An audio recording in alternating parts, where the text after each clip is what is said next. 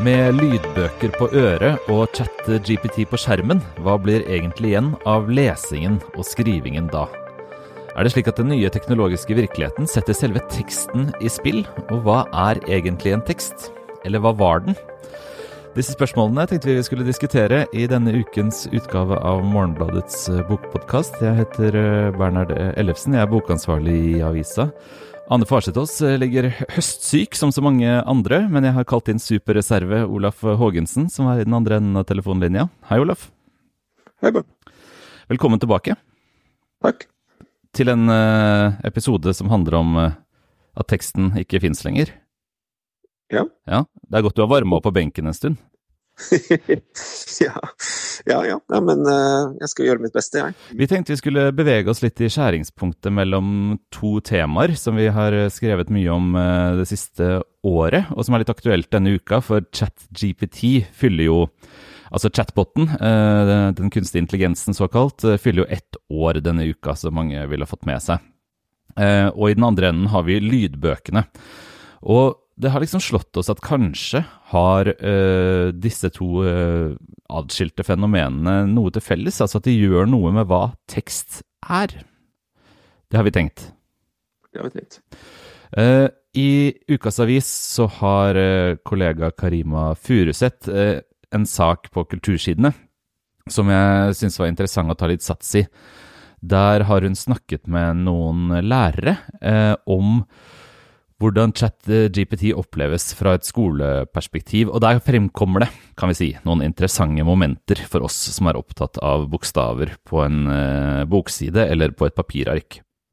Jeg tenkte jeg skulle begynne med et sitat fra en lærer i rettslære og historie, Ola Buksrud, som sier i denne saken, uh, dette er sitatet, ChatGPT innebærer at lærere ikke kan forholde seg til tekst. Så brutalt er det. Og det har noen ganske store konsekvenser som jeg ikke tror folk er klar over. Vi er jo litt opptatt av tekst, da, så disse konsekvensene de foresvever oss jo kanskje når eh, Buksrud uttaler dette. Hva tenker du? Eh, hva tror du han mener med at um, lærere ikke lenger kan forholde seg til tekst in the age of ChatGPT? Jeg forstår det sånn at han mener at uh, hjemmeinnleveringen, hvis det fortsatt er et begrep, det var i hvert fall noe vi drev med på da jeg gikk på skolen, at man uh, hadde to uker på å skrive en stil, f.eks., og så leverte man den inn, så fikk man den uh, vurdert, da. Uh, at det lar seg ikke lenger gjøre fordi man ikke klarer Det er umulig for lærerne å vite om eleven har skrevet teksten selv, eller om den er skrevet av en chatbot, da. Mm. Helt eller med stor hjelp, da. Um, og så vidt altså innleveringer av ymse slag. Tekst, altså om det nå uh, er uh, er vel et av de viktigste liksom, vurderingsmetodene uh, man har i skolen. Og hvis, man, hvis den metoden plutselig er så usikker at den ikke kan brukes, så høres det ut som en voldsom omkalfatring for lærerne og skolevesenet mer generelt. I hvert fall sånn jeg tolker tolker dem. Ja, Det slo meg også da jeg leste en flott kronikk av en annen lærer, eh, norsklærer Katja Benneke Osvold, som også er kilde i vår sak, eh, at det er på en måte en slags opplevelse som beskriver seg fra lærerhold. Eh, og den er litt sånn Den er både håndgripelig og uhåndgripelig. For, for, eh, det Katja Bennik Osvold i sin kronikk eh, tok leseren litt med inn i, var jo det å sitte med denne bunken med tekster. Det ser man jo for seg at en eh, lærer naturlig gjør. Man skal lese og vurdere elevers arbeid. Og så sitter man jo med tekst på et vis. Altså det er jo sikkert enten papirark eller dokumenter på skjermen eh, hvor det er bokstaver som former ord, som former setninger, som former avsnitt osv. Men så er det ikke tekst likevel. I hvert fall hvis man skulle definert tekst f.eks. som noe som uh, er uh, skrevet av et menneske, liksom, med, med en menneskelig nærmest stemme i, i bånn, så, så, er det ikke tekst i tradisjonell forstand. Um, og, det, og, det, er vanskelig for læreren på en måte å vite hva det er man har foran seg, rett og slett. Det, det slår meg som en um, sånn underlig og litt fascinerende situasjon? At man har noe som ligner tekst, men på en måte ikke er det? Ja, tekst har jo på en måte blitt uh, gratis, da, i, i bred forstand. Altså, det er ikke noe man må skape selv lenger. Du kan bare trykke på en knapp, og så får du det. Um, og da Det er jo en altså Både i et sånn skoleperspektiv, men i samfunnsperspektiv så er det en helt, helt uh, ny uh, virkelighet. Da. Så det er jo i årevis, århundrer kanskje, vært en kompetanse man måtte ja, jeg primært lærte gjennom skoleverket, da. ikke sant? Altså, det er jo måten man uh, uh, Med mindre man uh, gjør kroppsarbeid, så har det jo på en måte vært det fremste verktøyet man har i arbeidslivet. Mm. Og samfunnet for øvrig, altså i all kommunikasjon med offentlige etater og lignende. Ja, altså for, Forrige uke så skrev jeg hva skal jeg si, enda en tekst om lydbøker og lesing. unnskyld for at det, det ble enda en. men Uh, da grep jeg igjen tilbake til uh, medieforskningspioneren Marshall McLuhan, og denne gangen hans første bok, som heter uh, Gutenberg-galaksen, og har undertittelen The Making of Typographical Man. Altså både tittelen og McLuhans arbeid peker jo mot at en påstand om at tekst, og da er det boktrykkerkunstens variant av tekst, um, er et vilkår for mennesket, rett og slett, og det er et sansning i verden. Og som det litt storslåtte forestillingen om et typografisk menneske jo antyder, så, så, skjønner vi at det å lære seg å lese og skrive, og for å bruke tekst og jobbe, tenke gjennom tekst, og at kunnskap eh, utvikles med teksten som, som betingelse, er bestemmende for eh, kulturen uh, på en veldig bred måte. Jeg tenker Når du sier på en måte i skoleperspektiv og samfunnsperspektiv, så så blir, blir, det for meg viktig å understreke at skoleperspektiv er samfunnsperspektiv, på en måte. Det er jo en så omfattende del av sosialiseringa inni en tekstlig kultur. Så, så, det som slår meg når jeg leser uh, Benneke Osvold her, og, og, de andre to lærerne som, som har uttalt seg i denne saken, f.eks., er jo liksom at det er noe veldig grunnleggende som, som forandres, og det er jo det de på en måte også roper et slags varsko om. Altså at det er, det er, ikke bare det at det er vanskelig å sette karakter, eller at uh, sånn som før, er dette plagiat fra internett eller er det ikke? Uh, skal eleven strykes fordi de har juksa eller ikke?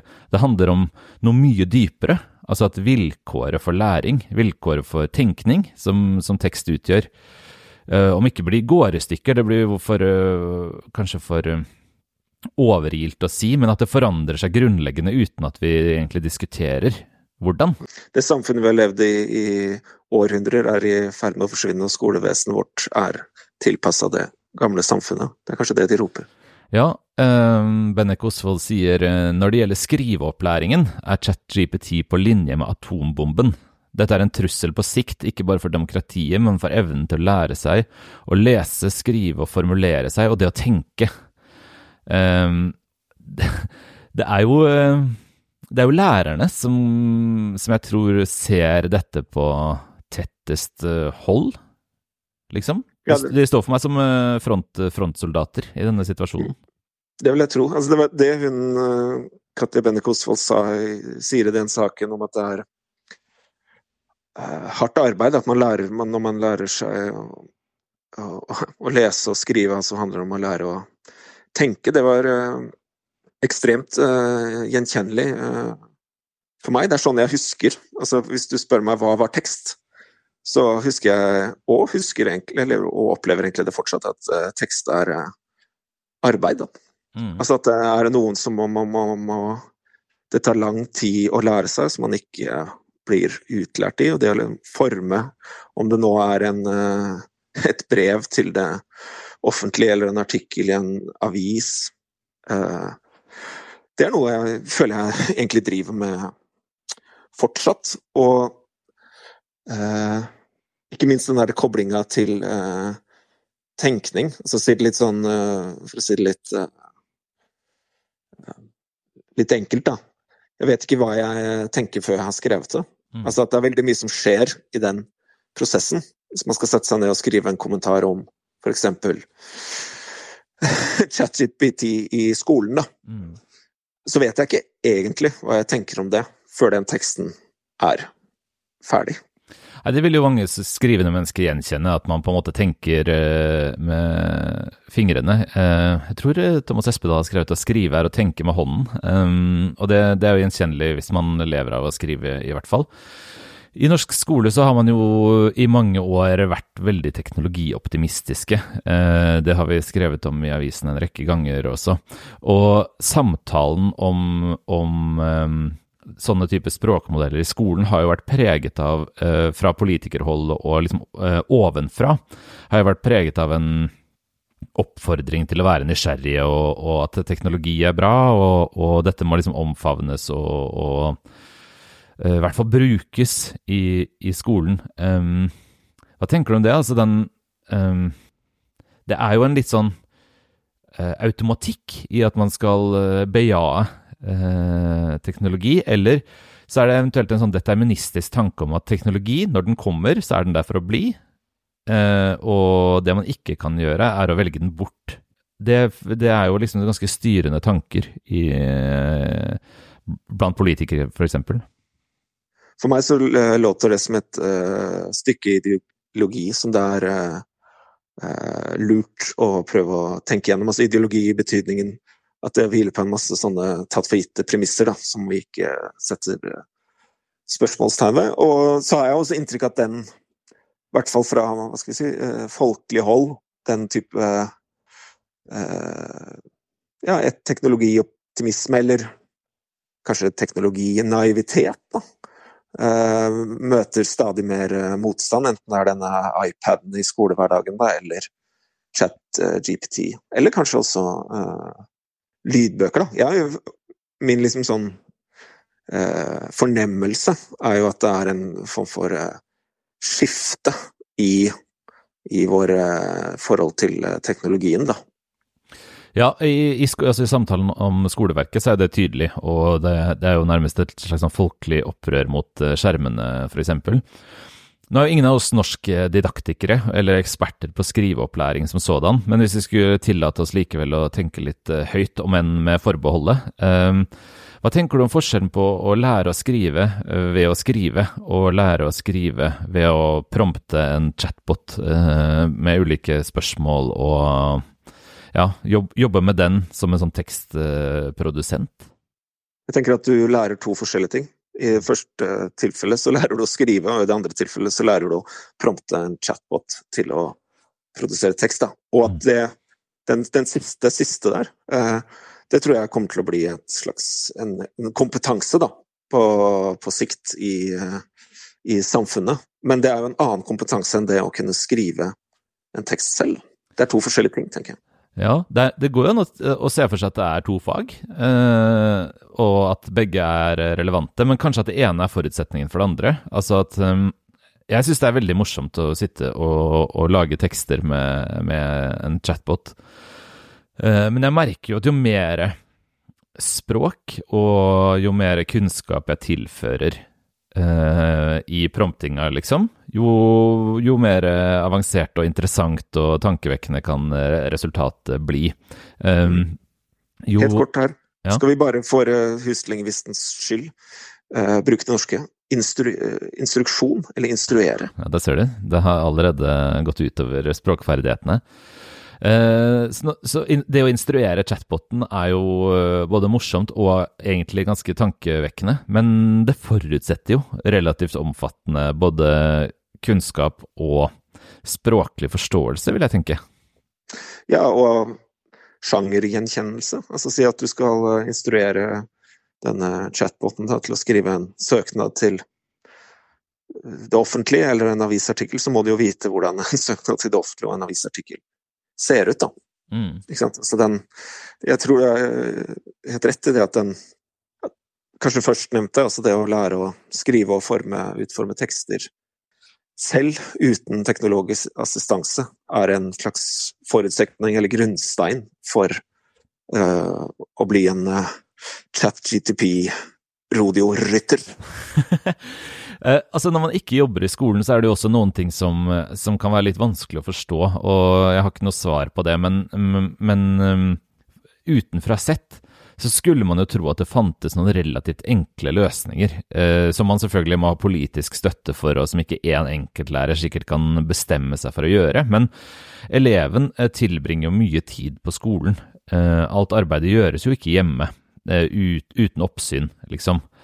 Eh, man kunne jo sett for seg at dette eh, gjorde, altså den nye teknologiske situasjonen gjorde at man endra ganske mye på lese- og skriveopplæringen. At rett og slett mye mer lesing og mye mer skriving foregikk i klasserommet og offline.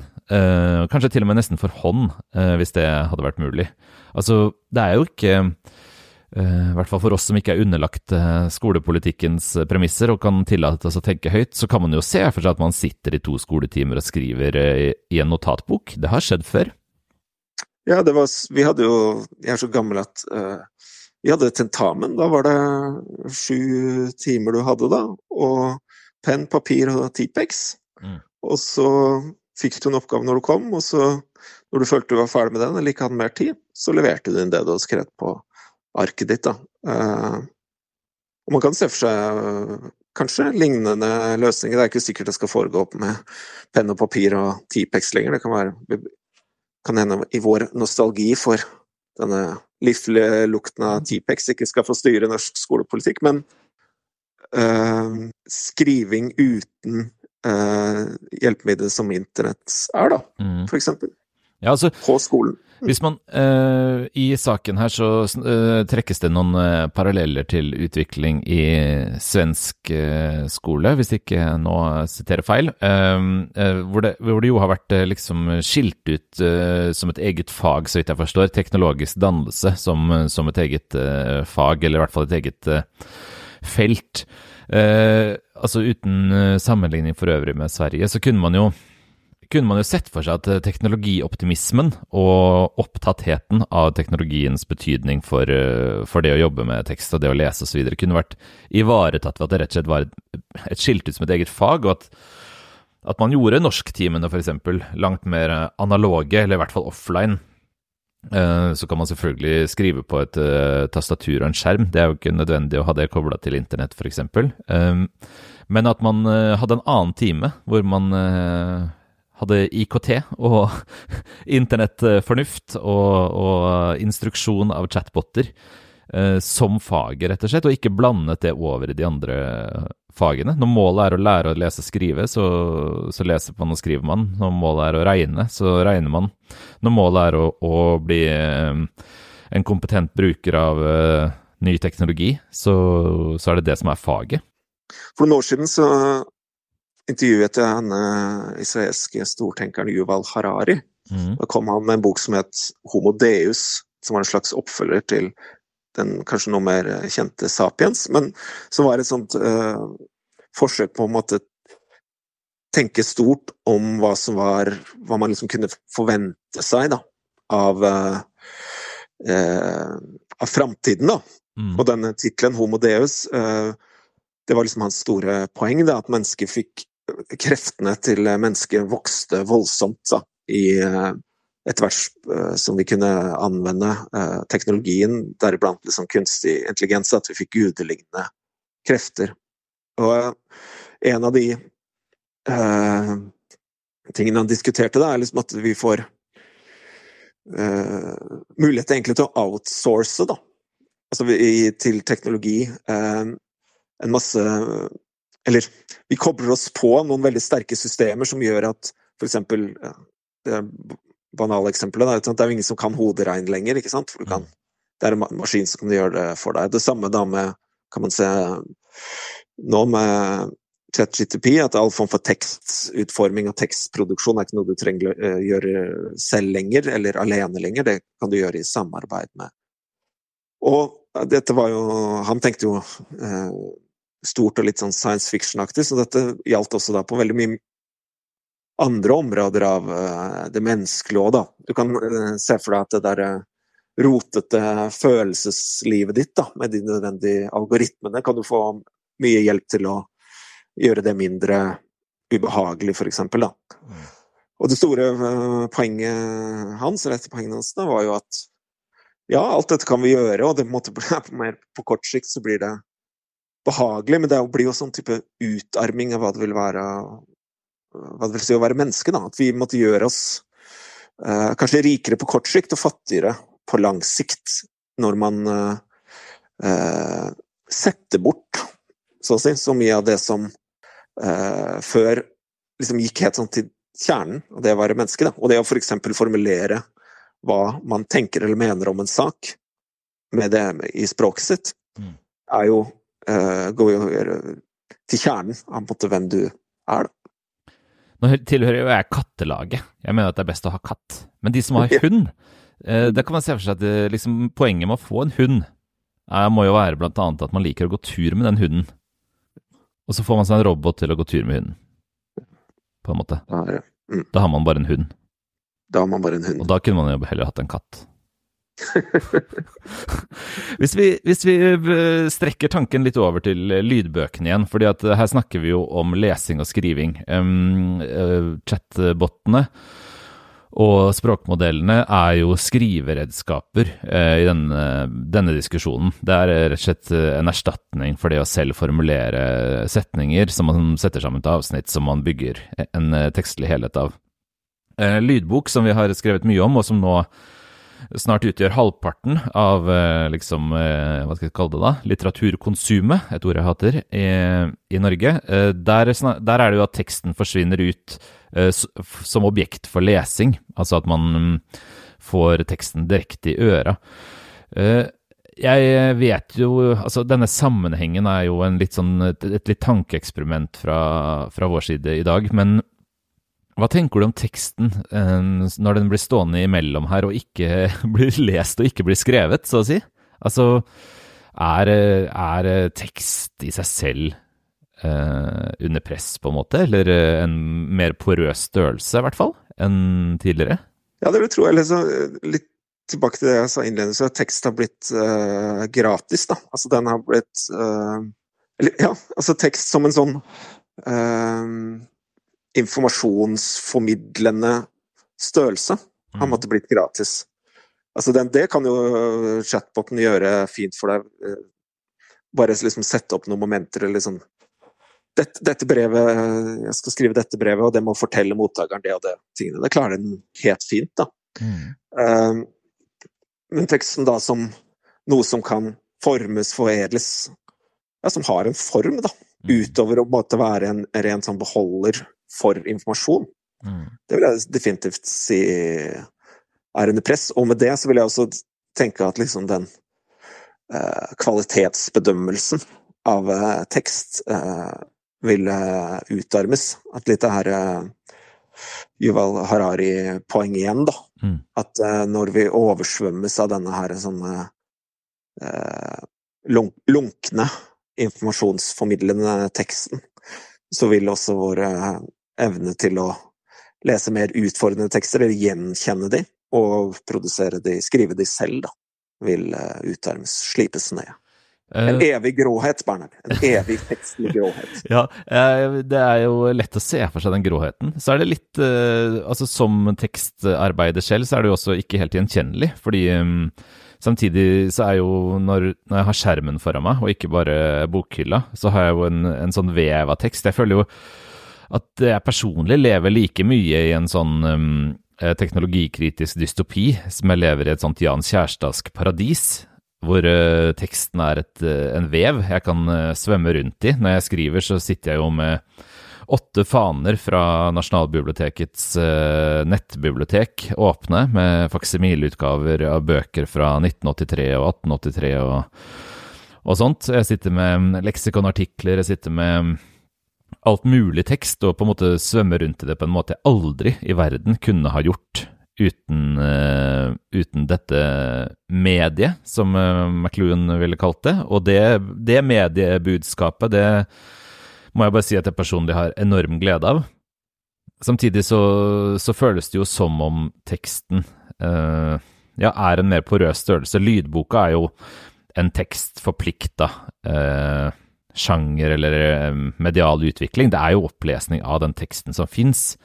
Men hvis vi går til podkaster f.eks., eller eh, ikke minst sånne tjenester som jo finnes, hvor du kan få liksom en sakprosabok på en halvtime oppsummert, Uh, det, finnes. det finnes. Um, en uh, amerikansk nettside som jeg nå selvfølgelig skulle ha notert navnet på, som uh, liksom serverer kortversjoner av mange populære sakprosabøker. Så du får det liksom kjapt inn. litt som å høre på podkast med fire ganger hastighet, liksom. Så, så, er det jo en sånn inn... Ja, hva skal jeg si da? Det er jo ikke lenger lesing. Det er jo eh, på en måte å komme så nært som mulig den der eh, greia fra filmen Matrix, hvor du liksom kan eh, loade opp en eller annen ferdighet. Ikke sant? Prosent, prosentene ruller opp, og så til slutt så kan du jiu-jitsu, eller hva det er Nio våkner og kan. Alle verdens kampsporter, faktisk. Ja, men sier han ikke 'I know jiu-jitsu'? Jo, han sier det. det er jo det som liksom er drømmen som ligger bak en del av disse tjenestene, føler jeg. At det liksom eh, Jeg ligger på sofaen og rister i 20 sekunder, og så reiser jeg meg opp og sier I know Immanuel Kant. Eh, liksom. At det er eh, idealet, da. Når lesing vel, og særlig av Immanuel Kant kanskje, er mer dannelse enn ren opplasting av kunnskap. At det liksom At man drives i retning av en sånn effektivitet hvor noe av poenget samtidig går tapt. Ja, som lærer Katja Benneke Osvold seg, da. Altså arbeidsaspektet. Mm. Det at det liksom krever noe å tilegne seg noe, og at den prosessen er hva skal vi si, en del av læringen, da. Det er en del av utbyttet. Mm. Slit, sliter med det. Den forsvinner jo. Men avslutningsvis, da. Altså igjen um disse språkmodellene er uendelig fascinerende å, å, jobbe med. Det er veldig lett å se for seg at de kommer til å bli utrolig nyttige, um, og at de at det er en, en fornuft da, i å, å, å, bruke dem godt. Og lydbøker eh, tilsvarende. Det er jo en eh, flott ting å drive med, å høre på en bok. Og um, det er utrolig mange verre ting man kan ha i øra enn en, en roman, f.eks. Det er vel noe med at, at kulturen burde klare å tenke to tanker samtidig, liksom. At både i skoleverket og i, uh, ja, i lesefeltet, f.eks., så kunne man i stedet for å altså, Eller finnes det noen måte, er vel egentlig spørsmålet, å, å beholde lesing og skriving uten å si nei til uh, lydbøker og, og, språkmodeller, og omvendt? Altså, finnes det en måte å, å dyrke frem eh, liksom forhold og bruk av eh, ikke-tekstlige eh, tekstverktøy som ikke nødvendigvis må ta tekstens plass? Eller er det sånn at det sterkeste vinner, og sånn er det? Nei, jeg tror det. Eller eh, det kan godt hende det sterkeste vinner, og så var det slutt på alt. Men jeg tror det første man må gjøre, er jo i hvert fall å erkjenne at lydbøker er ikke det samme som bøker. Det å skrive ChatGPT er ikke det samme som å skrive i uh, et uh, Word-dokument på egen hånd. At det dreier seg om forskjellige aktiviteter, og at de forskjellige aktivitetene har uh, forskjellige kvaliteter. Mm. Så det er, som du sa, det er masse fint med, med lydbøker.